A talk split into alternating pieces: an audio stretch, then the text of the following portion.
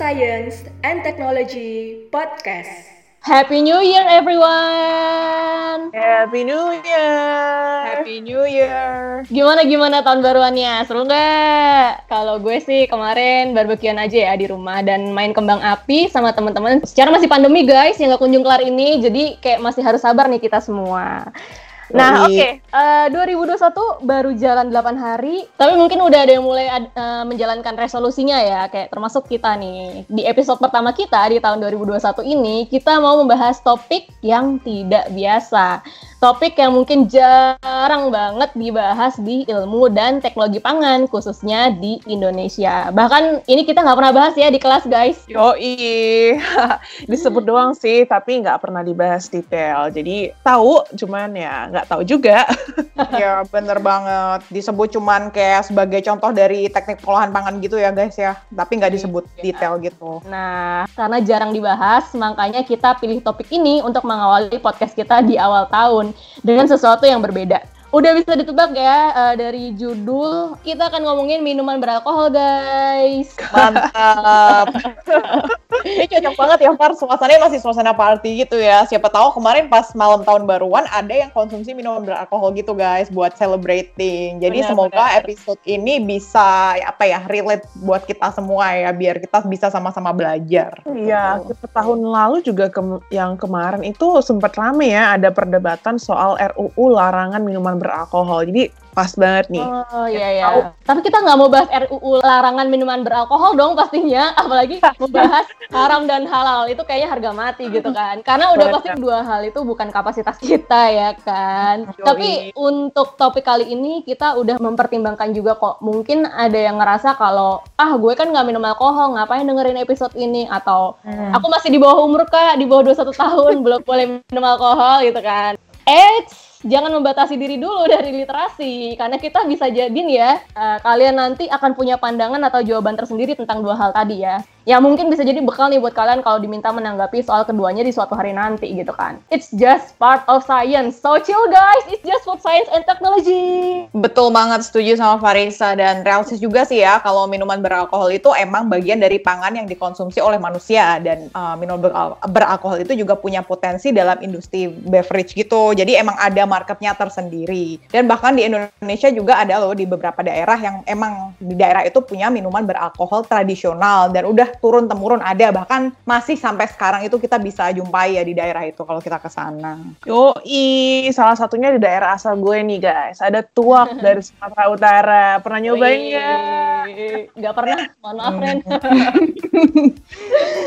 Ya, di sini kita sih lebih ngebahas tentang apa sih sebenarnya kandungan minuman beralkohol, gimana metabolismenya kalau kita konsumsi, dan mungkin kita juga akan bahas beberapa proses pembuatannya. Karena kita punya temen yang ngerti banget soal minuman sobat party, guys. nah, langsung aja kita munculin teman kita. Selamat datang di Foodcast Ditya. Halo, halo semuanya. Hai, ini udah diundang ya. Gimana nih rasanya di diundang ke Foodcast? Grogi ya, grogi. grogi, grogi. Baru sekali kan ini kayak gini ya. Ini Ditya nih tadi tahu gak sih lo tadi tadi ya sebelum recording dia WhatsApp gue gitu beneran nih topiknya mau alkohol gitu. Iya nggak salah. Iya, ini kan ini kan hot topic cuy. Yo, iya. Kita suka topik-topik yang begini, Dit terus terus di terus di apa namanya gue nanya ke Dit ya kan aneh ya ngebahas alkohol gitu nggak common di Indonesia terus dia bilang kayak e, aneh aja ilmu gue bermanfaat gitu oh, iya. bermanfaat iya. lah spesial baru sekali nih bermanfaat ya baru sekali bermanfaat ini karena kita ya kita memberdayakan teman kita sendiri Oke. Okay. Editnya kenalin diri dulu dong. Lo siapa? Kenapa bisa ada di sini? Iya. Iya, jadi gua teman sekelasnya Irena dan semuanya yang di sini Stella sama Farisa. Dulu kita di PB bareng ya angkatan 2010 ya. Hmm, iya, betul. Uh, mungkin kalau Farisa lulusnya duluan ya waktu itu, kalau gua lulusnya lima tahun. Kayaknya gue, gue paling telat deh. Ya udah lanjut, oh, lanjut, lanjut. Oh, berarti kita lulus lama ya, geng lulus lama ya. Iya, thanks dulu iya, iya itu ya kan? Iya kan gara-gara oh iya benar nah di situlah gue belajar belajar tentang alkohol tuh awal-awal kan di Jepang. Karena di Indonesia alkohol kita kan ya lebih kurang berkembang ya kalau dibandingin di luar ya. Iya. Terus habis lulus gue kerja dulu sebentar di food ingredient lah, company food ingredient. Habis itu di tahun 2017 sampai 2019 gue ambil S2 ke Copenhagen University. Nah Hmm. kebetulan jurusannya memang food tech, tapi spesialisasinya itu di uh, brewery engineering Oke. seperti itu. Jadi khusus belajar proses pembuatan bir, wine dan lain sebagainya. Ih, luar biasa Ke loh. proses industrinya. ahli banget. Nggak juga sih, ya. Waktu dulu ngambilnya karena senang-senang aja kan. Kapan lagi belajar tentang bir gitu kan? Bikin Mm. bisa belajar tentang bir, bisa bikin wine. Terus di kelas kita ada uh, beer testing. Kita dibayarin sama dibayarin sama university untuk minum-minum kan istilahnya kayak, kayak gitu kan. Kapan Oh lagi? my god. iya. Minum Waktu itu gratis. kita waktu itu kita beer testing dari awalnya berasa sampai akhir-akhirnya udah enak-enak aja semua birnya. itu pengalaman menarik tuh di sana tuh di Kop- di Copenhagen tuh. terus terus Udah, habis itu lulus, habis itu ya udah kembali lagi ke Indonesia. lulus tahun berapa tuh dari sana? 2000 2019, satu tahun lah, satu, satu tahun yang lalu lah. Oke. Habis itu balik ke Indonesia, tapi uh, memang kerjanya sekarang di food ingredient, balik lagi, bukan ke dunia alkohol. Oke, agak susah ya kalau di dunia alkohol di sini ya. Agak-agak ini ya menantang ya kalau untuk hot commodity yang kayak gini ya di Indonesia. Betul, tergantung lah. Kalau udah dibuka regulasinya bisa, kalau tergantung pemerintah aja gitu loh. Iya, Ya, oke. Semoga ada yang Berharap mendengar, aja ya.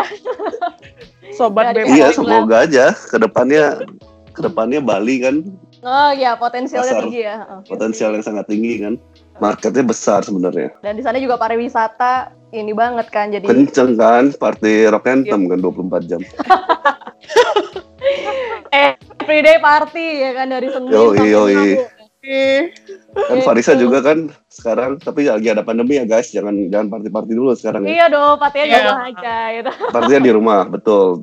Ah, yuk mulai ngomongin minuman sobat partinya, tapi tahan dulu nih ya ilmunya karena topik ini akan dibuka sama Irena dulu nih. Silakan Bun. Terima kasih Bunda Farisa. Gue merasa bunda-bunda yang sesat gitu loh. Bunda-bundaan tapi ngomonginnya alkohol ya, duh. Iya, ya ampun. Baiklah, pertama nih guys, kita mau kenalan dulu ya sama minuman beralkohol berdasarkan persentase kandungan alkoholnya. Jadi, kalau menurut peraturan BPOM nih, ada tiga golongan minuman beralkohol. Yang pertama golongan A, kandungan alkoholnya maksimal 5%. Nah, ini contohnya nih yang paling sering tuh di, kita sering lihat di pasaran, bir, ya kan? Terus yang golongan dua, kadar alkoholnya lebih dari 5% dan maksimal 20%. Jadi 5 sampai 20%. Contohnya wine. Golongan C, kadar alkoholnya lebih dari 20% dan maksimal 55%. Contohnya ini vodka, whisky, gin, dan lain-lain. Nah, selanjutnya nih, mungkin Ditya bisa bantu kenalin lebih lanjut dari formulasi atau bahan-bahan yang biasanya dipakai untuk membuat minuman beralkohol dan Dit, tolong kenalin juga dong ke kita proses pembuatan minuman beralkohol gimana sih? Atau ada teknologi apa aja? Oke, eh, kalau kita lihat ya eh, dari golongan yang dibagi sama BPOM kan ada tiga ya. Ya, Pertama kita diskusinya golongan A dulu kan. Kalau golongan A ini biasanya kita tahu kan bir kan. Nah bahan bakunya itu biasa yang kita pakai untuk bikin bir itu dari malt. Nah kalau malt orang belum tahu itu malt itu dari tanaman awalnya itu dari barley, terus itu Mhm. diproses itu semacam kayak di ditumbuhkan sedikit untuk bisa diaktifin enzimnya, habis itu di, dikeringin lagi jadilah malt. Nah malt Oke. itu nanti diekstrak, kemudian difermentasi pakai yeast. Mm-mm. Nah, bedanya apa? Golongan A sama golongan B. Kenapa sih yang satu bisa golongannya bisa cuma sampai 5%, yang satu bisa sampai 20%. Nah, kalau yang golongan B nih, misalnya wine itu bahan bakunya yang beda. Dia biasa pakai bahan bakunya dari eh, buah-buahan. Kebanyakan anggur ya. Nah, kenapa tapi dia bisa fermentasi lebih tinggi? Karena strain yeastnya beda. Oh. Jadi yeast yang dipakai di bir sama yeast yang dipakai di wine itu beda. Kenapa? Yang satu itu stress levelnya untuk terhadap alkohol itu lebih tinggi di wine. Jadi yeast wine itu bisa fermentasi sampai ke 14%. Seperti Mm-mm. itu. Iya, Bedanya iya. ya kalau kita dari beda teknologi ya. Mm-mm. Eh dari beda bahan baku ya. Bahan baku. Iya. Nah, tapi prosesnya mah sama-sama aja. Yang penting fermentasi intinya. Yang penting adalah dari bahan baku diekstrak sugar liquidnya, habis itu difermentasi oleh yeast, jadilah eh, minuman beralkohol. Iya. Nah, untuk yang golongan C nih, yang paling menarik kenapa dia bisa dari lebih dari 20%. Sebenarnya sama aja kayak golongan A sama golongan B. Cuman dia ada proses tambahan yaitu proses destilasi. Hmm. Nah, kalau proses destilasi sendiri ini eh, penjelasan gampangnya itu kayak eh, jadi si apa ya eh, air alkohol itu di dipanaskan Jadi dia menguap alkoholnya kan. Habis Hmm. menguap itu ditangkap oleh disuling, habis itu dikondensasi lagi. Jadi Hmm. diairin lagi. Apa sih gimana ya istilah? Coba Irena dijelaskan tolong Di, ini ya, bantuan. diuapin, terus ada air Hmm. uapnya itu didinginin supaya dia Dikondensasi lagi betul. Ah. Ditangkap lagi supaya dia jadi cair lagi. Nah, alkohol eh, si air cairannya itu itu Hmm. dikonsentrasi sampai eh, alkohol yang diinginkan. Biasanya dia sampai 50%. Habis itu di tone down sesuai jadi 40% tergantung nanti N-nya mau bikin apa gitu. Bisa vodka, bisa whisky, bisa gin dan lainnya Iya. gitu. BTW Tapi- guys, Hah? eh, ini ya mungkin ada yang belum ah, paham kan tadi Ditya sebut yeast tuh yeast tuh kamir guys. Biasanya kan kalau kita di roti untuk pengembangan tuh pakai yeast. Nah alkohol ini juga pakai yeast. Mungkin Ragi. ada yang Oh, betul ya. Ah, Betul. iya. lanjut dit Nah, tapi kalau boleh dilanjut lagi, yeast di di mana tuh di? di roti. Di roti ya Mhm. di roti itu dia nggak tahan alkohol. Jadi memang sama-sama Saccharomyces tapi strainnya beda. Oke. Jadi berasa kuliah lagi gitu ya. Yoi. Berasa pinter gitu ya ilmunya. Oke. Berarti eh, fermentasi itu bagian dari proses destilasi itu ya? Fermentasi itu ya sebelum didestilasi itu difermentasi dulu. Hmm. Oke. Nah, basically kenapa bisa macam-macam kan ada juga yang apa yang kita tahu kan ada juga selain bir ada soju dan lain sebagainya kan. Itu mah bedanya cuman beda si yeastnya sama beda bahan bakunya. Hmm. seperti itu. Jadi kalau kita bicara tentang apa jenis beer style atau macam-macam itu banyak banget. Tergantung bahan, proses sama lamanya fermentasi dan kawan-kawan. Hmm. Mm. Tadi kan lo sebut eh, fermentasi itu sebelum proses distilasi. Kalau proses fermentasinya sendiri itu apa sih, Dit? Oh, fermentasi. Oh, fermentasi itu sebenarnya eh, udah salah satu teknik pengawetan makanan dari zaman dulu ya. Mm-mm. Jadi itu tekniknya itu menggunakan mikroorganisme, kondisinya itu anaerob atau nggak ada oksigen ya. Terus bahan bakunya itu nanti dipecah eh, dari gula, dipecah jadi asam dan alkohol sebagai hasil akhirnya oleh si mikroorganisme ini. Nah mikroorganisme ini tuh yang tadi kita sebutin itu, yang tadi Rena sebut, yaitu yeast itu atau enggak kamir itu. Oke. Jadi Far kalau boleh dirangkum cara pembuatan minuman beralkohol itu, yang pertama tuh eh, disiapin dulu nih bahan-bahannya Hmm. tergantung mau bikin apa mau bikin bir bahannya dari malt mau bikin eh, whisky bahannya juga dari malt atau enggak dari eh, rice atau enggak dari eh, kentang mau Hmm. bikin soju dari beras dan lain sebagainya Ya. nah kemudian yang kedua itu di eh, fermentasi jadi se- Hmm. eh, sebelum difermentasi ini si bahan baku itu si yang tadi yang tadi gue bilang itu apa sugar liquidnya diekstrak dulu habis Hmm. itu ditambahin yeast jadilah proses fermentasi Oke. ini nah kalau udah sampai sini doang nih kalau bahan bakunya mat nah itu lu bisa bikin yang namanya bir sampai sini doang nih Mhm. Kalau bir berarti berhenti di fermentasi itu ya? berhenti difermentasi habis difermentasi pakai yeast berhentilah itu jadi bir Oke. Hmm. Lanjut. nah sama dengan jadi wine cuman bedanya kalau wine itu tadi bahan bakunya pakai Eh, anggur Oke. Ah, jadi anggurnya dihancurin dulu, habis itu liquidnya diekstrak, baru dikasih yeast. Hmm. Nah, kemudian kalau golongan C nih yang spesial itu ada distilasi, yang tadi kita udah jelasin sebelumnya, yang tadi gua udah jelasin sebelumnya kan, itu Hmm. jadi alkoholnya di eh, uapin biar dia jadi concentrate gitu kan. Oke. Nah, yang keempat ini bisa tambahan nih, biasanya kalau di perusahaan besar atau perusahaan yang udah settle tuh dia bisa difiltrasi. Jadi kadang-kadang ada pengotor di alkohol ya, itu Hmm. bisa difiltrat sama mereka, bisa Hmm. dikeluarin, jadi rasanya lebih murni lagi. Kadang-kadang kan ada kalau kita minum uh, spirit kadang-kadang ada yang keras sama ada yang ada yang apa smooth gitu kan. Nah, di sini proses filtrasi ini berperan. Habis difiltrasi ini uh, hasilnya itu semacam cairan putih. Nah, ini yang kita sebut sama spirit. Nah, di Hmm. sini baru terserah nih mau diapain nih. Mau di aging untuk bisa jadi whisky dimasukin barel atau Hmm. enggak mau ditambahin uh, berries itu bisa jadi gin atau enggak mau dicampur dengan yang lain bisa jadi vodka dan lain sebagainya dari spirit ini. Nah, Oke. spirit ini kandungan alkoholnya tuh sekitar uh, 55 sampai 60 persen. Nanti Hmm. tinggal di watering down untuk uh, target akhirnya berapa gitu. Itu guys prosesnya. Wow. Nggak, nggak susah Panjang. kan?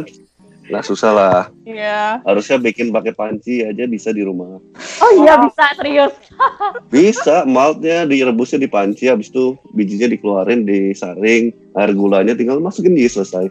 Menarik Yang ya. penting, Beda-beda ya. yang penting harus ini eh, sanitasinya harus bersih, jadi nggak boleh ada cross kontaminasi.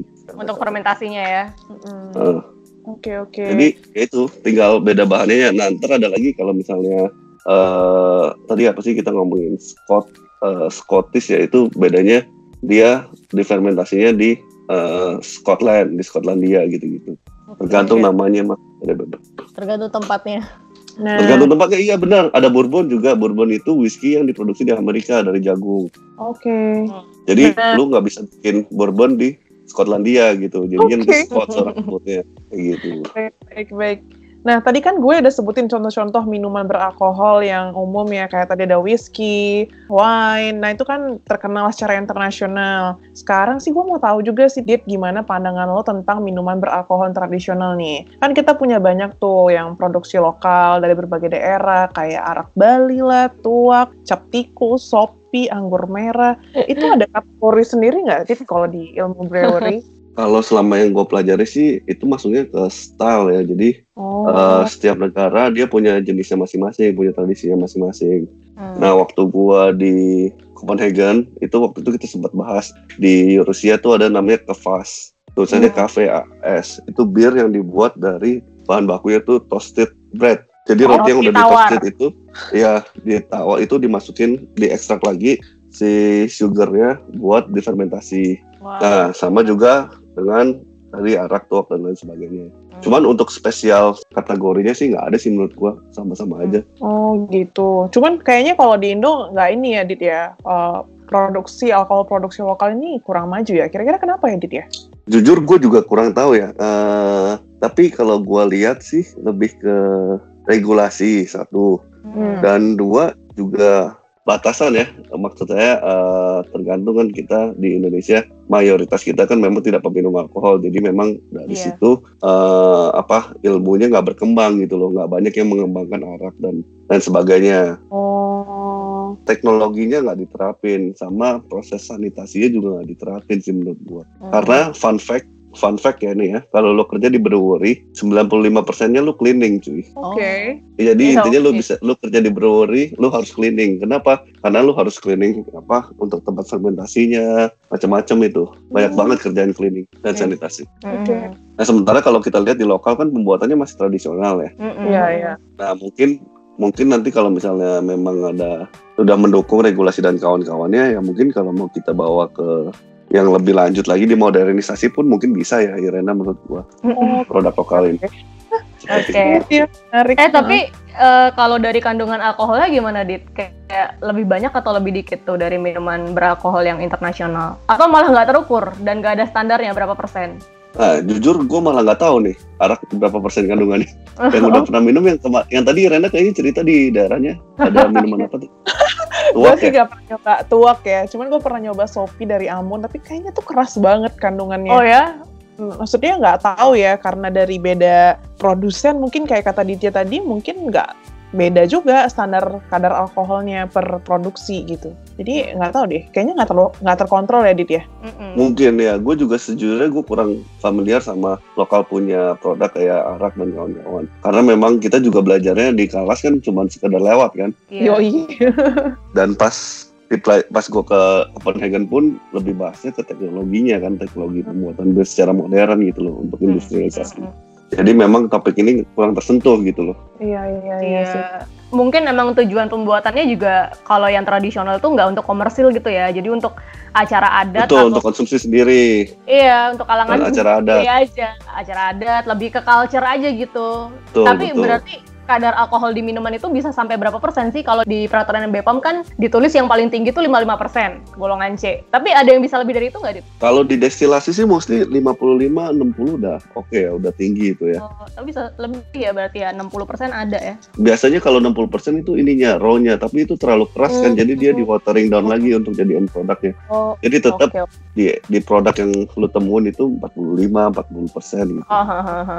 Ya ada pengecer pun gi- digimanain caranya supaya di bawah 60 ya, di 55 persen lah paling tinggi gitu ya. Ya, atau enggak 40% karena kan lebih enak ya, lebih soft kan. Kalau kita minum alkohol kan kalau rasanya menyengat banget kan nggak enak juga kan. Iya, kayaknya minum yang 45 aja tuh udah kayaknya dunia meruntuh gitu ya.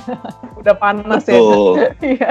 Tapi tergantung loh, ada yang ada beberapa brand memang yang eh, alkoholnya 40 sama-sama 40% tapi yang satu gampang diminum yang satu nggak gampang diminum. Nah Oh. itu tergantung proses agingnya. Hmm, hmm, hmm, hmm. di kan tadi yang pas kita cerita kan habis destilasi terus dimasuk di aging kan. Di aging ini dimasukin ke barel atau enggak di penuaan lah istilah bahasa Indonesia itu dituain, di maturein gitu kan. Nah tergantung barelnya, tergantung waktunya, tergantung lokasinya, suhu dan sebagainya. Nanti hasilnya mempengaruhi produk itu si whisky itu. Oke. Terus Dit, apa nih kira-kira concern yang melekat dengan minuman beralkohol? Ada nggak sih standar semacam? Kalau kita tahu kan makanan-makanan lain eh, bahan tambahan makanan tuh biasanya ada adinya. Kalau alkohol sendiri ada nggak sih batas-batas minumnya atau konsumsinya sampai hilang kesadaran gitu contohnya ya, contoh ekstrim. Oh kalau regulasi batas adi sih gue kurang tahu ya. Mungkin coba lu Irena pernah dengar? Gue jujur gue belum pernah dengar kalau adinya uh, Ini sih ada. Soalnya ini kan bukan eh, bukan BTP ya, pasti adinya nggak ada. Cuman mungkin ada batas jumlah minum. Kalau lo dulu waktu sekolah katanya ada regulasi dari public health mungkin untuk mencegah apa gitu. Gue jarang ke situ. jujur gue nggak belajar ke situ. Kalau kita sih lebih ke uh, minumnya ya drink with responsible aja. Jadi jangan sampai mabok. Cuman kalau dari segi aturan kayak adi dan lain sebagainya kurang paham gue jujur. Hmm. Nah cuman kan bedanya kalau di Indonesia sama di luar itu kan kalau kita kan di Indonesia ya kalau kalau nyetir kadang-kadang nggak ketahuan lah ya. Duh jangan dicontoh ya. Cuman kalau di luar itu kan polisi agak. punya alkohol alkohol meter kan. Heeh. Jadi kita Hmm. kayak disuruh tiup gitu. Nanti kita ada alkoholnya nggak di ini kita di badan kita gitu kan. Oh. Nah paling yang gua tahu regulasinya di situ aja. Jadi kalau lo minum jangan nyetir gitu. Ya ya ya ya ya betul sih. Nah cuman detailnya gue kurang tahu nih detailnya. Hmm, gue sempat baca-baca sih kemarin tuh ada yang kayak, gue nggak tahu juga sih, gue belum pernah ke Europe kan. Jadi katanya di Denmark, di UK itu ada batas minum masuk akal yang disaranin itu misalnya untuk per minggunya 21 drinks untuk cowok dan 14 drink per minggu untuk cewek. Itu kayaknya kalau gue nanggep aturannya itu kayak drinks itu tergantung jenis alkoholnya. Jadi kayak uh, porsi gitu kan sajiannya untuk per minggu. Kayak untuk kesehatan sih dari public health. Lebih ke saran bukan regulasi gitu. Anjuran untuk kesehatan. Oh tapi memang eh, memang ada beberapa yang sempat gue pelajari juga itu minum moderate alkohol ya, maksudnya konsumsi alkohol dalam jumlah tertentu itu memang berdampak pada eh, health, maksudnya Hmm. kesehatan, bukan bukan secara buruk tapi positif. Nah Iya. eh, salah satunya itu minum wine ya. Hmm. Mungkin eh, kalau kita tahu kan kita sama-sama belajar di wine itu banyak antioksidan kan. Iya iya iya iya gue sering Nah, baca antioksidan itu nah dia Hmm. bisa bantu eh, ya sebagai antioksidan jadi kalau kita memang drink minum eh, daily dengan dosis yang misalnya cuma kayak setengah gelas ataupun seperempat yang seenak kita aja gitu tapi nggak sampai mabok gitu memang eh, itu ya apa dampaknya bisa positif gitu. Kalau gue mungkin nggak secara ilmiah ya cuman gue kenal nih ada tema, eh, kenalan gitu ya Eh, dia tinggal di Switzerland. Dia tuh di bawah rumahnya itu ada wine cellar tiap hari dia minumin lah setengah gelas. Dia wow. sampai umur 90 masih sehat cuy. Wow Eh ngomong-ngomong batas nih, sebenarnya metabolisme minuman beralkohol di dalam tubuh tuh gimana sih? Kayak apa aja efek yang ditimbulkan setelah minum minuman beralkohol? Apa ada dampak negatifnya nggak sih kalau dikonsumsi berlebihan? Nah, kalau yang gue baca nih ya, sebenarnya secara prinsip alkohol ini di metabolisme di hati tuh dengan sistem enzim utama yang namanya alkohol dehidrogenase. Jadi Hmm. kalau ada kerusakan pada hati ini eh, mempengaruhi banget laju oksidasi alkohol sehingga lebih sulit dieliminasi dari tubuh karena enzim ini ada di di hati. Jadi Hmm. eh, By the way ya, sebelum lebih jauh lagi, alkohol ini sebenarnya juga secara kimiawi itu kalau kita kenal sebagai eh, etanol bentuknya Mm-mm. Dan- punya kalori sekitar 7 kilokalori per gram. Jadi wow. zero kalori ya. Kalau karbohidrat sama protein 4, lemak dia 9. Nah, ini dia 7 kilokalori. Oke. Tapi Lebih tinggi ya? bedanya Heeh, lumayan kan? Tapi bedanya dengan karbohidrat, protein, lemak dan ini eh, alkohol ini nggak bisa disimpan di tubuh. Jadi kan kalau Oh. misalnya karbohidrat bisa disimpan dalam bentuk glikogen untuk nanti dipakai sewaktu-waktu misalnya pas lagi puasa gitu kan. Mm-mm. Kalau alkohol ini misalnya sebelum dieliminasi dari tubuh akan tinggal di cairan tubuh kita gitu di darah kita kan. Jadi eliminasinya atau pengeluarannya dari tubuh tuh cenderung lebih lambat dibandingkan nutrien lainnya karena eh, hormon yang untuk mencerna si alkohol ini sedikit dalam tubuh kita dalam pengaturannya. Makanya sering dibilang alkohol ini bisa jadi beban buat hati kita. Hati Oke. ini ya, bukan, bukan hati yang mana-mana guys. iya ya. Bukan hati yang cinta-cintaan. Iya. Heeh. Hati dalam arti sebenarnya, Pak. Iya, uh, liver. liver. Jadi pasti kalau berlebihan ada adverse effect doang kayak yang lain juga kan makanan lainnya kayak gula dan lain-lainnya pasti ada adverse effect-nya yang nggak baik untuk kesehatan. Uh, karena apalagi alkohol ini termasuk yang sulit di metabolisme. Jadi dari beberapa referensi yang gue baca nih ya untuk konsumsi alkohol dalam jumlah tinggi uh, bisa meningkatkan resiko demensia, kanker payudara, kanker kolon, kirosis, kanker saluran pencernaan bagian atas, dan yang paling sulit dihindari nih ketergantungan. Oh iya, oke. Alkoholik. Mm-mm, karena mungkin efeknya itu yang asik ya, uh, menangkan dan lain-lain kan. Cuman uh, susahnya kalau udah ketergantungan ini bisa ngekor penyakit lainnya, apalagi kalau udah ada penyakit bawaan lain kayak obes, jantung dan lain sebagainya. Nggak tahu sih kalau menurut Dita gimana Dit? Kalau gue ya itu tadi kan kalau banyak ya guys ya. Tapi kalau misalnya kalau sedikit masih moderat lah masih oke. Jadi Iya.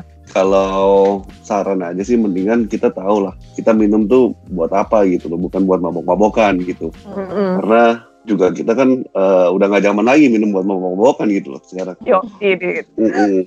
Nah, kalau soal metabolisme nih guys, gue punya pertanyaan nih. Selain alasan agama loh ya, kenapa sih ada orang yang nggak bisa minum alkohol? Misalnya nih, setelah minum minuman beralkohol gitu, badannya jadi kayak gatel-gatel, terus kayak kulitnya kemerahan gitu. Oh, Padahal minumnya juga nggak banyak gitu, dan kadar alkoholnya yang diminum itu rendah. Soalnya gue dulu juga begitu waktu minum bir di Jepang gitu, langsung jadi merah-merah kulitnya. Oh iya. Gimana setelah ceritanya? Uh, jadi dulu gue pas live in di rural area di Jepang kan ada kayak pesta penyambutan gitu, Far. Sobat Oh. party. Iya. Penyambutannya ya party ya. iya. Terus acaranya tuh barbekyuan gitu sama locals dari yang usianya muda sampai usianya tua gitu. Jadi kayak uh, party sama key opinion leader di desanya gitu. Terus ada sama makan barbeque itu mereka sediain minuman. Nah salah satunya nih bir. Dan waktu itu gue ditawarin nih sama salah satu tetua di sana gitu buat toast gitulah celebrating kita punya project mulai gitu kan. Terus dia tuangin ke gelas gua gitu, terus dikasih ke gua kan. Nah itu bir gitu. Terus kan ya ya udah deh gua terima buat menghormati dia ya karena udah apa ya senior gitu di desanya gitu dan ya gua minum. Terus besokannya pas gua bangun tidur gitu kulit gua kemerahan semua dong dan berasa kayak itchy gatel banget gitu terus panas gitu kan kayak burning. Kayaknya sih gua mikirnya gua waktu itu alkohol intolerance kali ya. Ya, kayaknya gitu sih, Stel. Jadi kan kalau ada istilahnya lactose intolerant buat yang nggak bisa minum susu kan, atau caffeine intolerant buat yang nggak bisa minum kopi. Nah, kalau Mhm. buat yang nggak bisa minum alkohol tuh juga ada alcohol intolerance. Jadi biasanya di orang yang nggak punya atau sedikit gitu kandungan enzim uh, aldehid atau alkohol dehidrogenasanya di tubuhnya.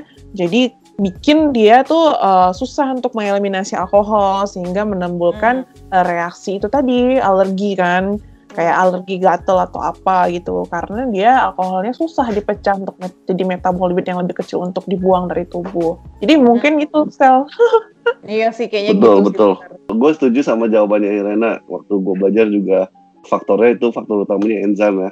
Jadi eh, karena enzimnya kurang, jadi dipecahnya lebih lambat. Jadi dia eh, akibatnya tubuhnya melawan, respon imunnya melawan gitu. Mm-mm. Nah cuman gue pernah dengar juga nih di Jepang itu atau enggak di Korea juga ada obat anti hangover. Nah Hmm. gue dengar-dengar kalau lo minum obat ini sebelum lo minum, sebelum pergi minum-minum, lo tuh kayak besok paginya nggak pusing-pusing Oh ataupun iya. nggak gatal, ada efek gatal-gatal. Lo pernah dengar nggak itu, Irena? gue sejujurnya kurang familiar ya sama hangover drink ini. Jadi memang kan kalau gue lihat tuh ada di yang film Korea ada pakai ini suka minum gitu kan. Nah, jadi gue sempat search tuh ada paper yang mengkaji tentang hangover cure ini kan, hangover drink itu untuk anti mabuk gitu guys. Jadi isinya tuh eh, macam-macam herba atau rempah tradisional, tergantung daerahnya. Kalau di China apa, di Korea apa gitu kan, di Jepang apa. Jadi itu ada yang dari ginseng, akar bunga kuzu dari Cina. Gue juga nggak tahu sebenarnya apa kuzu.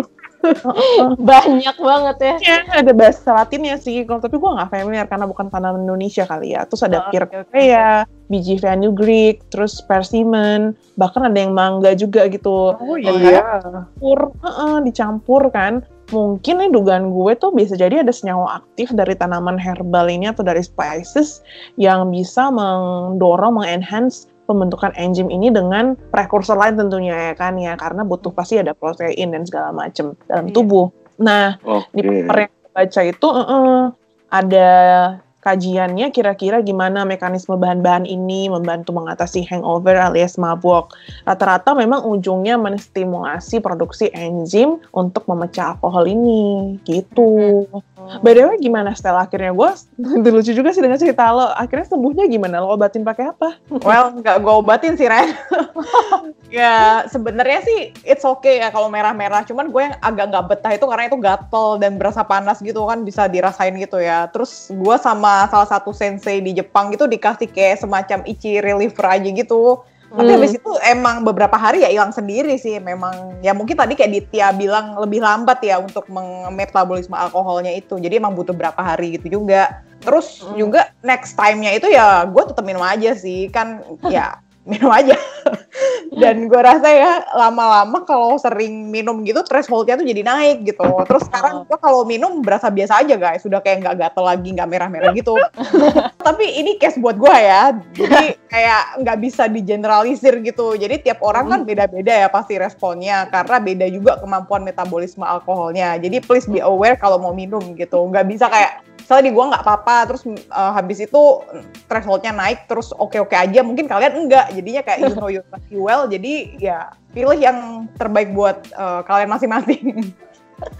Iya Oke oke guys, dari tadi kita ngomongin jelek-jeleknya mulu ya, Eh, efek maboknya lah, alkohol intoleran, terus kayak bisa alkoholik, kecanduan alkohol, bisa memicu penyakit-penyakit yang lainnya gitu kan. Coba deh kita bahas yang positifnya nih biar balance gitu kan. Tadi. Ditya udah sempet bilang kan kalau wine ada antioksidannya. Coba kita bahas lebih lanjut deh itu antioksidan itu fungsinya gimana yang ada di wine. Tapi bener kan ya eh, ada di red wine ya lebih tepatnya ya antioksidan itu ada di red wine gitu wine yang merah gitu dan Iya. bener nggak sih red wine itu punya kandungan senyawa antioksidan Jadi benar, Far. Katanya ya, menurut studi epidemiologis, minum wine secara reguler dalam jumlah moderat. Jumlah moderat nih kalau menurut paper yang gue baca, 1-2 gelas sehari berasosiasi dengan penurunan resiko sakit jantung, hipertensi, diabetes, dan beberapa jenis kanker. Jadi konsumsi bir juga sih, cuman ef- efeknya lebih rendah dibandingkan wine. Mungkin karena kata kayak kata Ditya tadi, oh wine ini kan dari anggur ya, an- antioksidan lebih tinggi. Jadi uh, efek positif ini dikaitkan dengan keberadaan beberapa senyawa flavonoid kayak antosianin yang bikin warna red wine itu jadi merah dan flavontigaol, terus ada juga senyawa non flavonoid kayak resveratrol, cinnamon dan asam galat. Stilben resveratrol ini gue belibet ya. Stilben resveratrol ini masuk salah satu senyawa antioksidan yang paling banyak dipelajari. Gimana benefitnya bagi kesehatan, terus eh, bisa mencegah apa, termasuk kepada kesehatan kardiovaskular. Itu banyak banget nih studi tentang ini kalau yang gue list gitu kan. Bahkan ada yang disertasi tentang membahas satu senyawa ini aja gitu. wow Jadi eh, banyak sih benefit eh, dari red wine ini sebenarnya. Hmm. Betul betul. Kayak tadi gue ceritakan ada kenalan itu umur 90 dia sehat tiap hari minum minum wine satu gelas. Tapi Iya, gelasnya iya. diperhatikan ya guys ya. Gelasnya oh iya iya iya, bener sebesar apa? Gitu kan Takarannya nggak satu liter juga diperhatikan. gelasnya kan. Yoi. Iya Gelasnya kan? tuh. Kalau satu liter ya percuma juga. botol kan Iya satu botol kan sama aja. Yoi. Tapi gue setuju sama penjelasannya Irena. Dia ada komponen uh, antioksidannya, terutama polifenol. Nah, eh, kalau di red wine itu mengandung polifenol itu bisa sampai 10 kali lebih tinggi daripada anggur putih.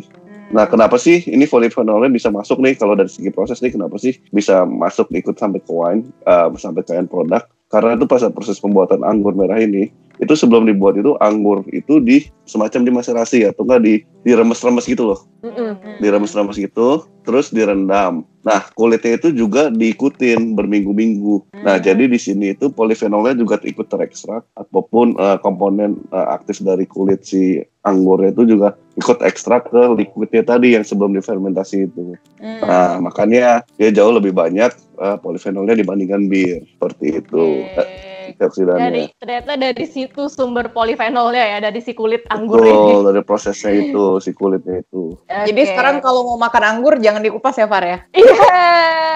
iya, dulu gue juga dikupas tuh makan anggur. Ih, serius. Ih, gue enggak loh. Uh-uh. Gue makan sama kulit-kulitnya. Padahal di situ kan antioksidannya ya. dikupas manis doang kan. Iya. Kalau Emang sama kulit kulitnya anggur ada juga ya. pahit-pahitnya dikit, cuman Hmm. ya memang komponennya bagus di situ. Itu lo makan bijinya kali makanya pahit. Oh, kalau biji mah isinya tanin cuy, jangan dimakan. Eh, gue punya tambahan pertanyaan nih. gue penasaran banget sih eh, sama pendapat kalian. Pasti tahu soju kan ya? Tadi udah dibahas sih tadi di awal-awal. Nah, itu kan minuman beralkohol dari Korea Selatan yang kayak menurut gue overrated banget tuh gara-gara banyak muncul di drakor. Terus karena neti- netizen-netizen Indonesia nih yang doyan drakor ini mayoritas muslim dan penasaran banget sama soju, akhirnya keluarlah soju halal non alkohol. Kayak menurut kalian Itu gimana enam sih? Emang udah lewat ini Oh, udah lewat ya, udah lewat. Tapi eh, serius itu kayak soju halal non alkohol itu efektif efektif nggak sih untuk menjawab rasa penasaran fans garis keras drakor gitu kan yang sekaligus sebagai muslim taat juga gitu. Apakah akan ada sensasi dari soju alkohol yang nggak bisa didapat dari soju non alkohol? gue malah baru pernah dengar tuh soju apa soju no- soju halal. Cuman eh, setahu gue ya eh, kalau berdasarkan pengalaman itu lu bisa klaim sesuatu itu tergantung proses. Misalnya gue mau bikin whisky, waktu itu Hmm. gue bikin whisky dalam waktu dua minggu kan. Hmm. Eh, tapi gue nggak bisa klaim itu sebagai whisky karena eh, untuk klaim jadi whisky itu gue harus masukin produknya si spirit itu ke barel selama tiga tahun. Wow, jadi nggak bisa tuh Eh, klaim. jadi ada regulasinya nih, ada regulasi Hmm. klaimnya gitu loh. Oh oke oke. Ada sih tapi yang bikin kayak orang Indonesia juga sih. Tapi mohon maaf nih gue nggak bisa sebut mereknya ya. Cuman ya dia bikin itu tujuannya biar yang penasaran sama soju eh, dan tapi nggak boleh minum gitu. Dia bisa nyobain soju gitu tanpa khawatir ada alkoholnya gitu. Gimana gimana? Tetap ya. Ya harusnya sih, harusnya sih pada prinsipnya si produsennya itu membuat minuman soju, membuat suatu minuman yang rasanya seperti soju, efeknya seperti soju, tapi efek menghangatkannya seperti soju, tapi bukan dari alkohol gitu kan mungkin kan? Iya. Tapi kalau misalnya keluar dari definisi produknya itu sendiri nggak bisa klaim gitu ya. Kalau gue percaya sih nggak bisa ya, tapi mungkin Hmm. uh, harus dicek lagi regulasinya. Jadi Oh, kalau gue sih juga baru tahu nih ada produk kayak gini ya, yang soju-sojuan istilahnya ya, dan nggak pernah nyobain juga. Tapi menurut gue ini pasti beda lah ya. Emang bisa gitu kasih sensasi hangat kayak alkohol. Ada yang pernah nyoba? Boleh deh satu order. Gue kayak penasaran pengen order deh kalau ada online. Soalnya di Bandung juga order pernah satu, alkohol. Jadi ya untuk gue sih misalnya pun pakai spices ya eh, supaya hangat pasti beda rasanya. Tapi ya untuk ala-ala boleh lah ya, mungkin pakai botolnya yang hijau bantut yang khas banget itu ya. Hmm. Mungkin podcaster yang pernah nyobain yang lagi dengerin sekarang bisa DM kita kasih testimoni gimana sensasinya kalau pernah nyobain. Please DM kita karena kita belum pernah nyobain punya. Mungkin habis ini iya. cukup. Tapi out of context nih, setahu gue nih ya, mungkin perlu dikonfirmasi juga dari teman-teman yang belajar sistem jaminan halal. Secara aturan tetap aja nggak bisa disertifikasi halal, meskipun non alkohol kalau namanya berasosiasi dengan minuman beralkohol yaitu soju kan. Jadi Hmm. minuman keras kayak root beer itu nggak boleh tuh. Walaupun dia bukan minuman beralkohol dia nggak bisa dapat label halal dari MUI. Jadi ya soju like lah mungkin gitu ya. Jadi nggak bisa kita bilang Betul halal. betul Irena, kayak uh, bir 0% pun nggak bisa dapat logo Iya, halal. Iya. Karena itu bir gitu kan. Ya, judulnya udah bir ya. Stel, kalau lo gimana Stel? Kayaknya sama kalian juga sih. To be honest, gue baru denger kali ini ya ada soju halal non alkohol. Dan gue setuju sama Irena sama Ditya juga sih. Jadi ya ini sih kalau menurut gue personally agak nggak make sense gitu kalau ada kayak minuman beralkohol halal non alkohol. Nah tuh gimana bahasanya?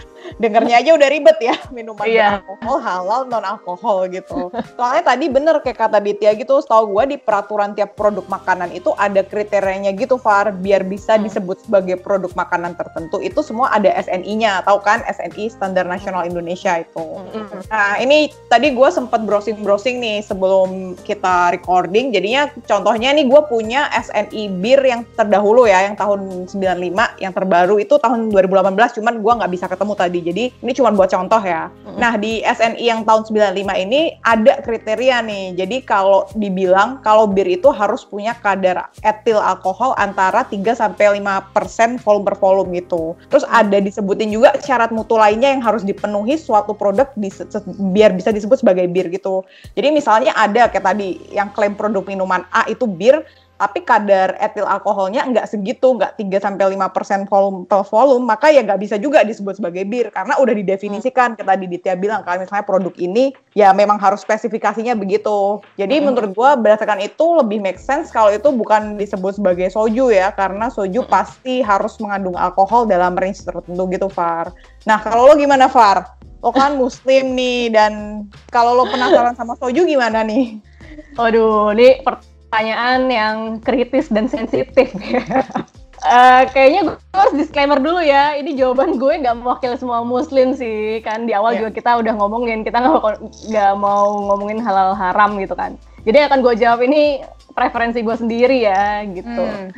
Kalau gue, uh, gue akan coba dua-duanya supaya tahu bedanya apa gitu kan. Kalau cuma minum hmm. like-nya doang, ya gimana mau ngebandingin mirip aslinya apa enggak gitu kan kalau cuma minum salah satu gitu jadi hmm. karena originalitasnya gitu gue nyoba karena originalitasnya trademarknya begitu rasanya gitu kan dan kalau boleh lagi nih gue akan pilih minum yang aslinya Kenapa? Karena soju yang aslinya ya begitu gitu, otentiknya ya begitu ya kan. Nah tadi gue bilang juga definisinya begitu gitu.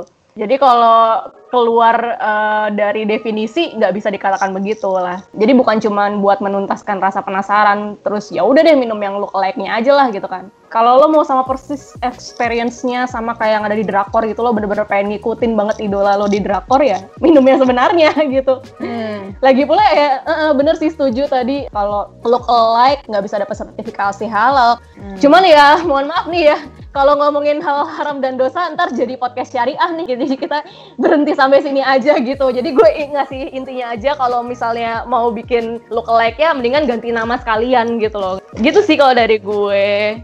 Nah, last but not least nih, kayak lo punya saran nggak sih, Dit, untuk foodcaster ketika akan mengonsumsi alkohol? Konsumsi kesehatan ya, drink with responsible ya. Jadi moderate hmm. drink, uh, dari segi kuantitinya jangan terlalu banyak. Cuman kalau bisa sih sekarang juga mindsetnya diubah nih, minum konsumsi alkohol itu bukan berarti mabok-mabokan. Nah, sekarang tuh ada tren yang menarik di Europe, apa pun di luar itu, uh, udah masuk juga sih ke Indonesia, banyak lah uh, selebriti, uh, semacam kayak celebrity chef gitu. Dia mulai ada yang namanya food pairing Nah, jadi kan yang kita tahu bir kan mulai bervariasi juga nih, bukan cuma bir yang kita kenal kan sebelumnya itu, itu dan itu kan. Nah, itu kan tipenya cuma tipenya pilsener dan rasanya cuma itu itu doang kan. Iya. iya. iya. Nah, yeah. tapi sekarang itu ada bir yang mulai bervariasi yang namanya kita golongkan tuh craft beer itu yang buatan hmm. lokal yang ada ada mango beer lah, ada dark beer lah, ada macam-macam lah. Uh -uh. Nah, di situ tuh mulai uh, orang tuh mulai menilai nih, oh makanan ini misalnya makanan daging itu cocoknya sama uh, flavor bir yang kayak gimana sih gitu. Nah, itu mulai menarik nih. Jadi uh, mindsetnya bisa kita ubah, bukan cuma membawakan, tapi lebih ke uh, experience lah, food experience-nya gitu loh. Mm-hmm. Nah, ada juga yang menarik lagi yang pernah gue coba di uh, pas gue kuliah itu uh, food pairing tapi bukan food dia pairing bir sama whiskey. Wow. Mm. Uh, uh, jadi ada tipe satu whiskey itu misalnya kayak Scott uh, Scottish whiskey itu cocok sama bir yang stylenya waktu itu gue coba sih uh, IPA atau nggak Indian Pale Ale seperti itu. Nah, hal-hal kayak gitulah yang bisa dieksplor baru gitu loh. Mm -hmm. Saran gue. Karena uh, ke depannya pun kalau kita lihat di uh, tren-trennya udah mulai ke situ gitu loh. Iya. Yeah. Hmm. Jadi lebih menarik lagi gitu, bukan cuma sekedar minum mabok selesai pulang nggak kayak gitu. Bahkan bir juga bisa untuk masak loh, bir hitam untuk masak kalian pernah tahu? Oh iya iya iya. Ya, gue lihat tuh ada salah satu selebgram ya yang chef dia selebriti chef masak dengan yang terkenal itu kan? Mm. Tahu lah yang cewek cakep itu loh. Hmm. Yang ada tatonya itu. udah, udah, udah, udah, ntar makin sampai detail lah, sampai detail. detail lah. Everyone iya, tapi dia suka dia suka untuk ini loh masak pakai dark beer itu enak kali tuh. Iya, kayaknya enak tuh deh. Gue lihat itu dia masak. Nah, saran yeah. gue nih buat foodcaster nih lebih ke situ, lebih dicoba, dieksplor ke situ gitu loh. Jadi bukan cuma untuk mabok-mabokan. Iya, yeah, yo, yo, Jadi lebih kreatif ya, Dit ya? lebih kreatif, lebih ke enhance flavor gitu loh sama uh, palette mouth-nya gitu. Mm-mm. Uh, ngomong apa sih gua? Pokoknya gitu lah. Luar- cuy. Eh luar biasa tapi Dit ya tepuk tangan dulu dong buat Dit ya. Luar biasa gitu ya. Nah, Nah, jadi, gue banyak belajar loh hari ini. Setuju, iya. Ren. Ya Sama- bahkan ya Sama gue gue juga banyak belajar dari gue Rena. nggak menyangka gue nggak menyangka bakal dapet pengetahuan ini gitu. Gue nggak menyangka ini jadi pengetahuan penting juga buat kalian gitu. Oke. Oh, ini pengetahuan yang nggak kita dapat di kelas. Jadi orang nggak bisa belajar di kelas food tech pada umumnya, tapi belajar di podcast kita. Yoi. Betul. Tapi banyak kelas- sih memang pengalaman yang kita nggak bisa belajar di kelas dapat langsung dari orang-orang kan. Iya bener. Karena mungkin takutnya gitu kali ya kalau misalnya di pelajaran di kelas ntar takutnya mahasiswanya mabuk-mabukan. Iya, mungkin jadi kontroversial kali ya. Cuman kan Iya, kita ladang yang bebas ya. Istilahnya podcast ladang bebas. Jadi Hmm. tidak ada regulasi tertentu yang membatasi kita. Kalau kita mau sih nggak bukan Mm-mm. Gak Maksudnya ada auditor nih di kita. Iya, nggak nggak mendorong teman-teman yang mendengarkan untuk minum-minum atau apa, tapi pengetahuan aja gitu loh. Kan tadi kita udah jelasin juga kan eh, apa namanya konsekuensinya apa, metabolismenya apa, ada alkohol intoleran dan lain-lain gitu. Oke, jadi gimana nih teman-teman ya? Semoga bisa membuka wawasan, walaupun eh, emang minuman ini itu buat kalangan dan umur tertentu gitu. Tapi buat yang nggak bisa dan nggak boleh minum ya nggak apa-apa kan, dengerin aja untuk pengetahuan kalian gitu kan.